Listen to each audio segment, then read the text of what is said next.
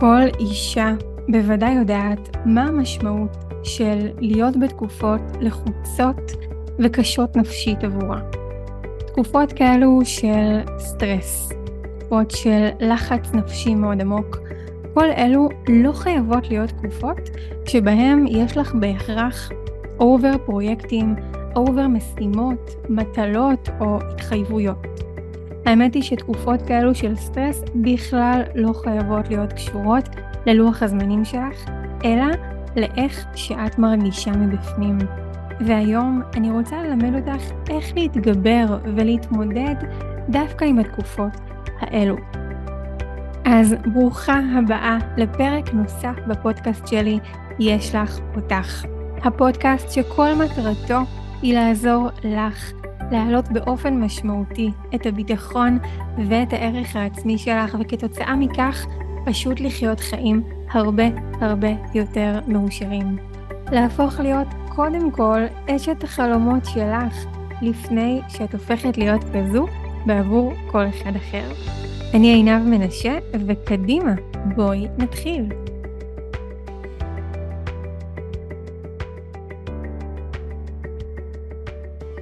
אז דיברנו על זה שתקופות של סטרס בכלל לא צריכות להיות uh, קשורות ללוח הזמנים שלך, אלא לאיך שאת מרגישה מבפנים.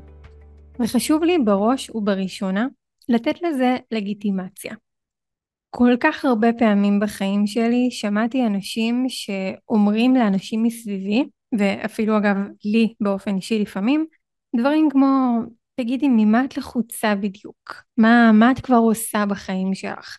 חכי תראי שיהיו לך ילדים ומשכנתה, חכי תראי שיהיה לך ככה, שיהיה לך ככה, חכי שתגדלי. כאילו יש איזה שהם קריטריונים שרק אם את עומדת בהם, את מקבלת במרכאות את הזכות להיות לחוצה. להיות לחוצה מבלי שיעירו לך, מבלי שיגרמו לך להרגיש לא בסדר עם זה. כי בסוף האמרות האלו רק מכניסות בך עוד יותר סטרס. למה? כי הן גורמות לך לחשוב, בטעות, שלא מספיק שאת מרגישה רע בגלל כל הלחץ הזה שאת חווה, עכשיו את גם מרגישה רע כי את כביכול לא אמורה להרגיש ככה. אז אם אני מרגישה משהו שאני לא אמורה להרגיש, זה כנראה לא בסדר ואני חייבת לצאת מזה ומהר, מה שעוד יותר מגדיל את הלופ ומקשה עלייך באמת לצאת מזה, שזה בסוף מה שאת רוצה. עכשיו ברור שאף אחת לא רוצה להרגיש ככה ושהמטרה שלנו היא כמובן להפחית את הסטרס הזה, להפחית את הלחץ הזה שגורם לנו להרגיש כל כך רע ובסוף גם מאוד מאוד פוגע בנו.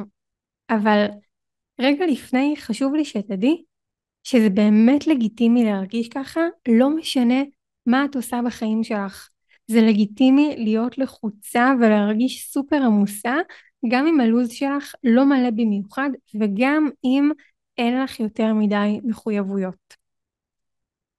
הלחץ האמיתי הוא לא מתקשר לדברים החיצוניים בחיים שלך. הלחץ האמיתי מתקשר לתחושות הפנימיות שלך. למציאות שאת חווה בפנים, בתוכך, שאותה אף אחד אחר לא חווה.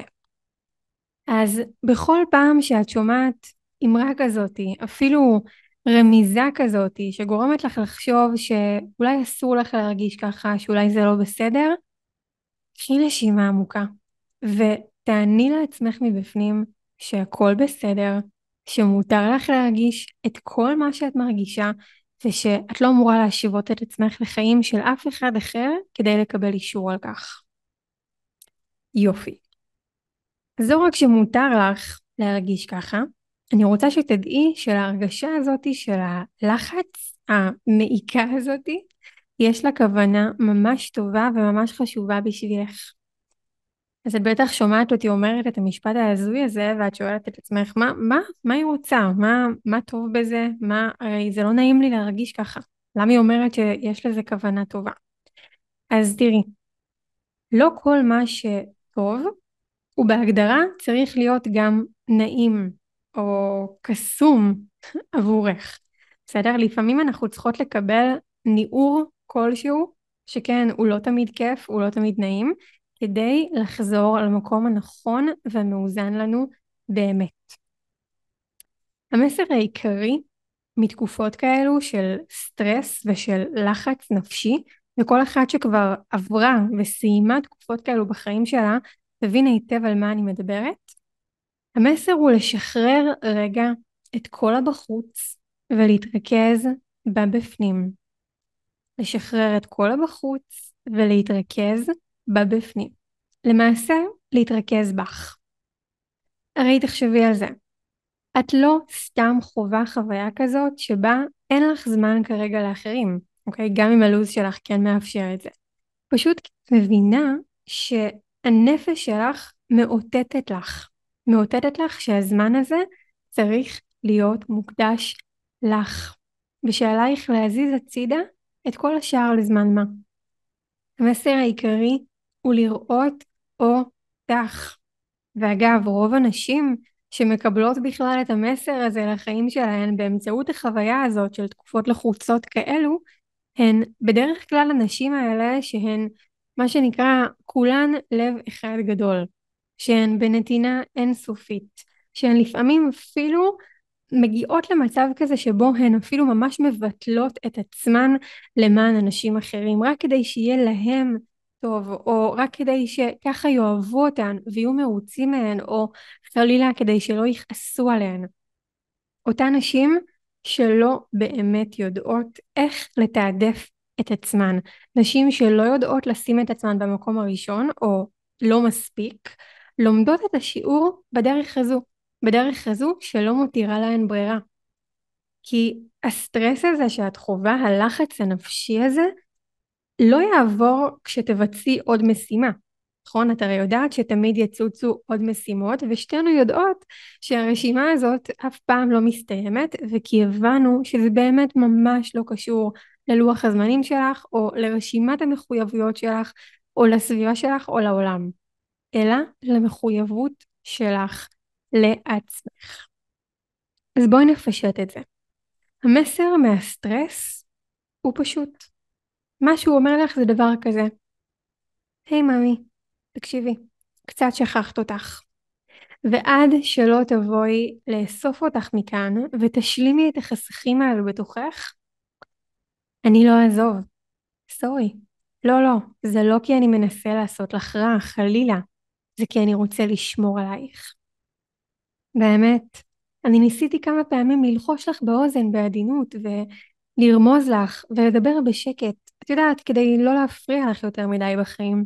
אבל כל פעם שעשיתי את זה בצורה עדינה ומתחשבת, את התעלמת ממני.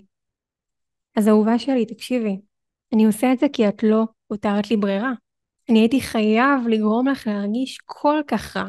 הייתי חייב לגרום לך להרגיש כל כך מותשת, כדי שתעצרי רגע. שתעצרי ותסתכלי על עצמך. הייתי חייב להשתמש בכל האמצעים שיש ברשותי, פשוט כי אני דואג לך, ואני שומר עלייך, ואני מחויב לבצע את תפקידי נאמנה. פשוט כי את חשובה לי. עכשיו את מבינה אותי? אז עכשיו את יכולה לקחת נשימה עמוקה. ואולי אפילו באיזשהו מקום להודות לתחושה הזאת של הסטרס והלחץ. כי כל מה שניסית לעשות עד היום זה כנראה להעיף אותה ומהר. להעיף אותה כי לא נעים לך להרגיש אותה, להעיף אותה כדי שתוכלי להמשיך לרוץ, להמשיך לתקתק, להמשיך להיות שם בשביל כולם, להמשיך, להמשיך, להמשיך, את יודעת, לרוקן את עצמך. אז ברגע שהבנת את המסר, כל זה נגמר, ואני פה עכשיו כדי לעזור לך להתחיל ולחזור לראות אותך כמו שמגיע לך. אז אני יודעת איך זה להרגיש ככה. אני יכולה גם מאוד להיות כנה איתך ולומר לך שהתחושה הזו פוגשת אותי כמה פעמים בשנה ומזכירה לי שאולי קצת התפזרתי או שאולי יש עוד לבל שאני צריכה להגיע אליו מבחינת היכולת שלי לראות אותי. שאולי לפעמים אני לא מספיק מניחה את תשומת הלב שלי במקומות הבאמת נכונים. רק שהיום, בניגוד לפעם, אני יודעת לשים לב ללחישות שלה. וזה לא מגיע למקומות כאלה שאני מרגישה ממש באפיסת כוחות. אני מקשיבה ללחישות שלה כי הבנתי את המסר, ואני לוקחת את הלחישות האלו, את המסר השקט הזה, ברצינות. ופשוט מנחה את עצמי לשנות קצת את מסלול האנרגיה שלי בהתאם לזה. וזה מה שאני רוצה ללמד אותך לעשות היום. אז הנה כמה סימנים שיראו לך שאת ממש צריכה לעצור ולהעניק לעצמך. סימן ראשון, את מרגישה שפתאום כולם צריכים ממך דברים, אוקיי? גם אם בתכלס התדירות לא באמת עלתה, אבל פתאום זה מרגיש כל כך עמוס. פתאום יש כזה מלא אנשים שמחכים ממך למשהו, פתאום כולם רוצים לפגוש אותך. יש לך תחושה כזו של הצפה. שתיים, שיחות רגילות לגמרי עם חברות, שיתופים על החיים ואפילו סתם, את יודעת, דיבורי סרק, מרגישים עבורך כל כך גדולים. כאילו שאין לך את היכולת להכיל את זה ואת מנסה באופן מודע או אפילו לא מודע להתחמק מזה ככל האפשר. שלוש, את נעשית יותר קצרה, יותר חסרת סבלנות, אפילו עצבנית ולא נינוחה כשאת נמצאת בחברת אנשים אחרים. ארבע, את מרגישה יותר ויותר את הצורך להיות לבד, ולרוב את גם מבקרת את עצמך על זה, או חושבת שאנשים מבקרים אותך. וחמש, כל קביעה של תוכניות עתידיות מרגישה לך כאילו היא ממש מעמיסה עלייך ואת מעדיפה להישאר כמה שיותר ספונטנית נקרא לזה כדי שלא תצטרכי להיקלע למחויבויות נוספות שאין לך באמת עניין כרגע לקיים. אז אם מצאת את עצמך באחד הדברים האלו או דברים דומים יכול להיות שבאמת קצת זנחת את עצמך ולמרות שחשבת שהשקעת בעצמך, יש כאן עוד מקומות שמבקשים ממך תשומת לב. אז עכשיו מה הפתרון? מה עושים מכאן? שנייה לפני שאנחנו נדבר על מה עושים מכאן, בואי נחדד מהו לא הפתרון. הפתרון הוא לא להילחם בזה. הפתרון הוא לא לחכות שזה יעבור לבד, והפתרון הוא גם לא לכעוס על עצמך שאת בכלל מרגישה באופן הזה. מה כן? הפתרון הוא לעצור רגע. לראות אותך ולספק לעצמך את תשומת הלב ולהשלים את החסכים האלו שאת זקוקה להם בתקופה הזו. אז יש לנו כאן אה, חמש כלים, חמישה כלים שיעזרו לך לעשות את זה. אחד, הכלי הראשון הוא ללמוד להגיד לא. לא לכל מה שמרגיש שלא יכול למלא אותך.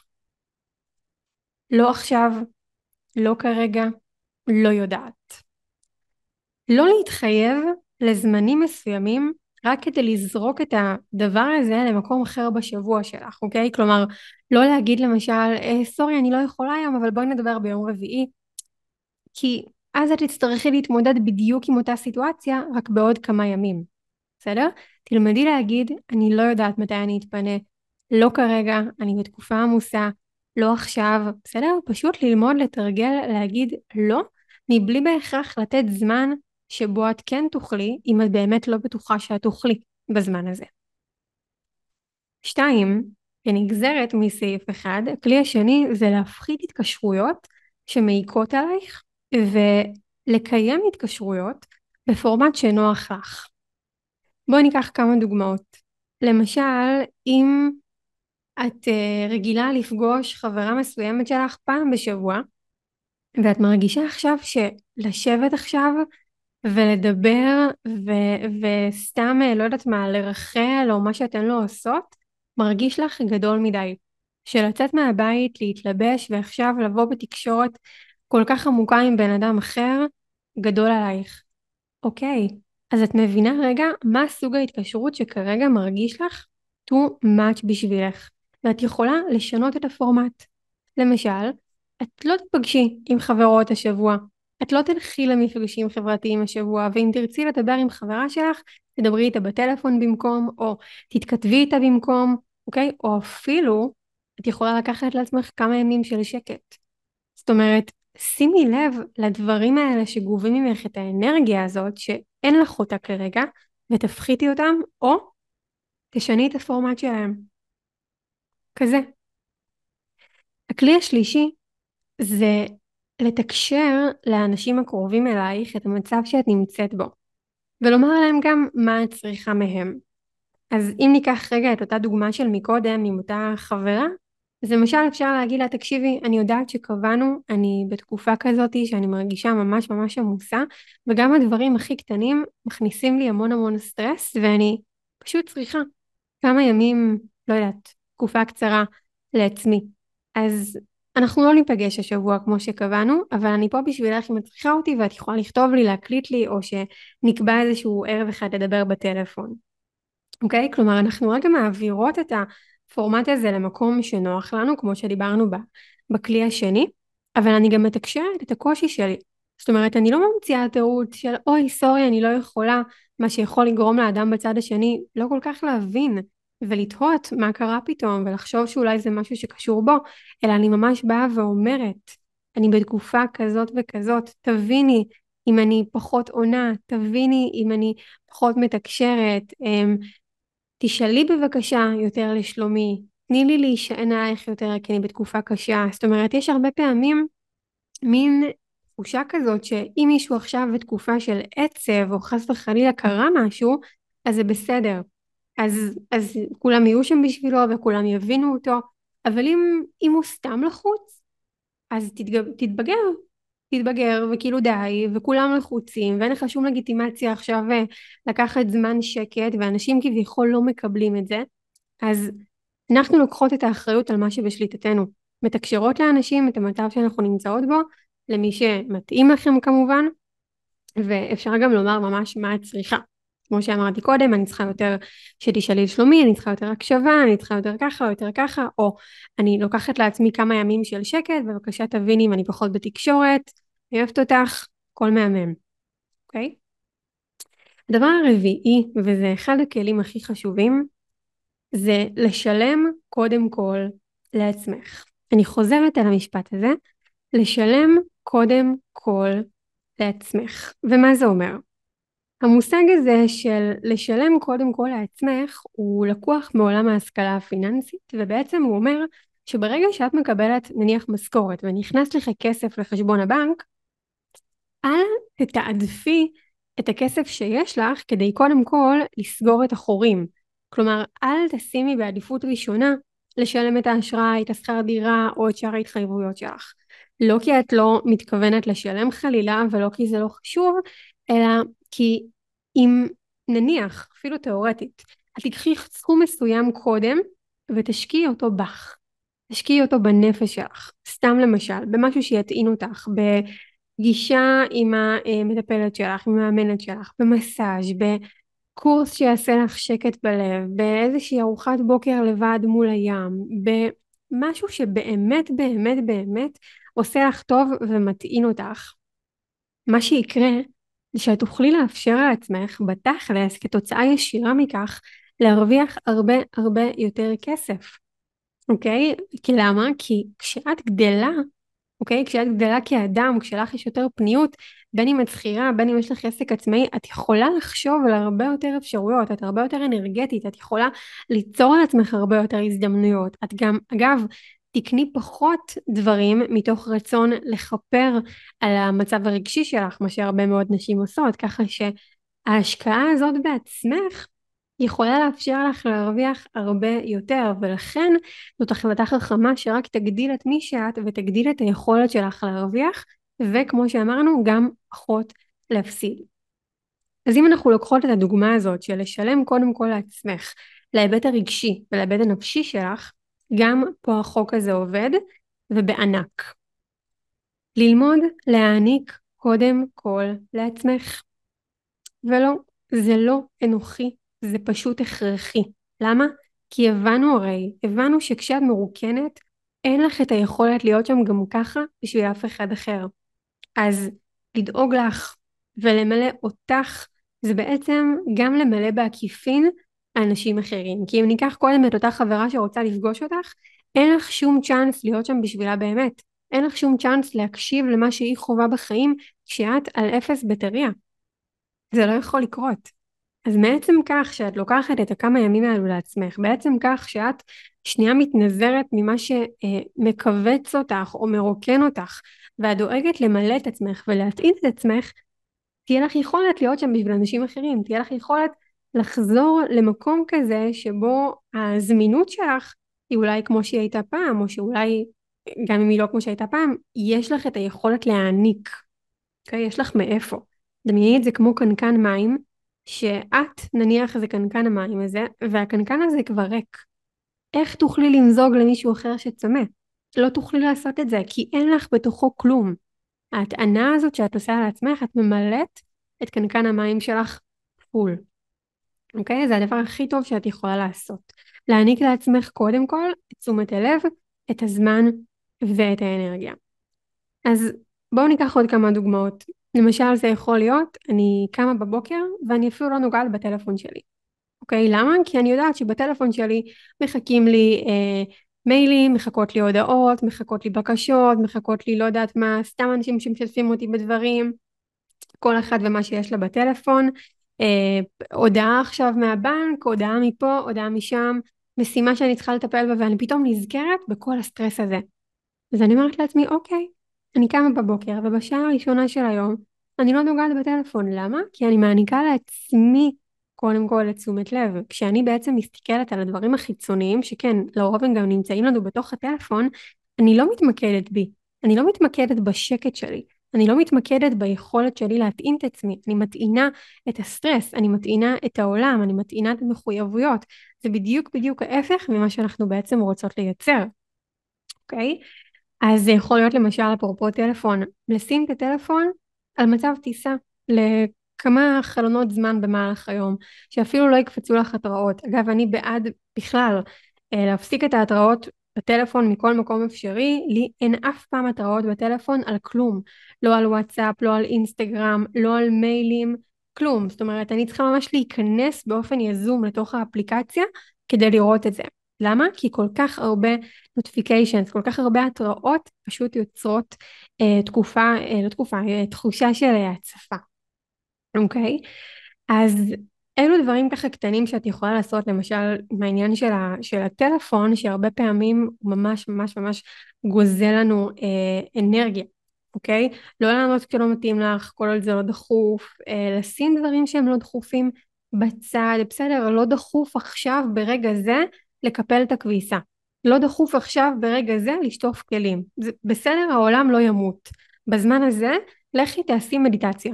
בזמן הזה, לכי קחי את עצמך, תניעי את הרכב, לכי תראי שקיעה.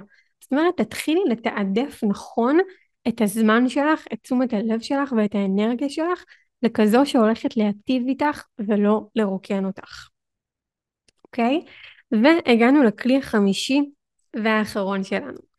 בעצם בסעיף הראשון דיברנו על להגיד לא למה שלא יכול למלא אותך, למה שמרוקן אותך, והסעיף החמישי כאן בעצם מבקש ממך לומר כן, לומר כן למה שגורם לך להרגיש טוב.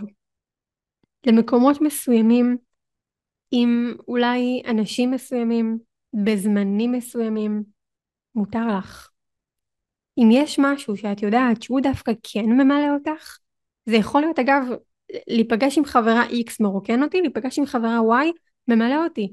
מעולה. אז זה לא אומר שאם חברה אחת רוקנה אותי זהו אין חברות, אלא יש את זו שמרגיש לי טוב כרגע להיפגש איתה. אוקיי?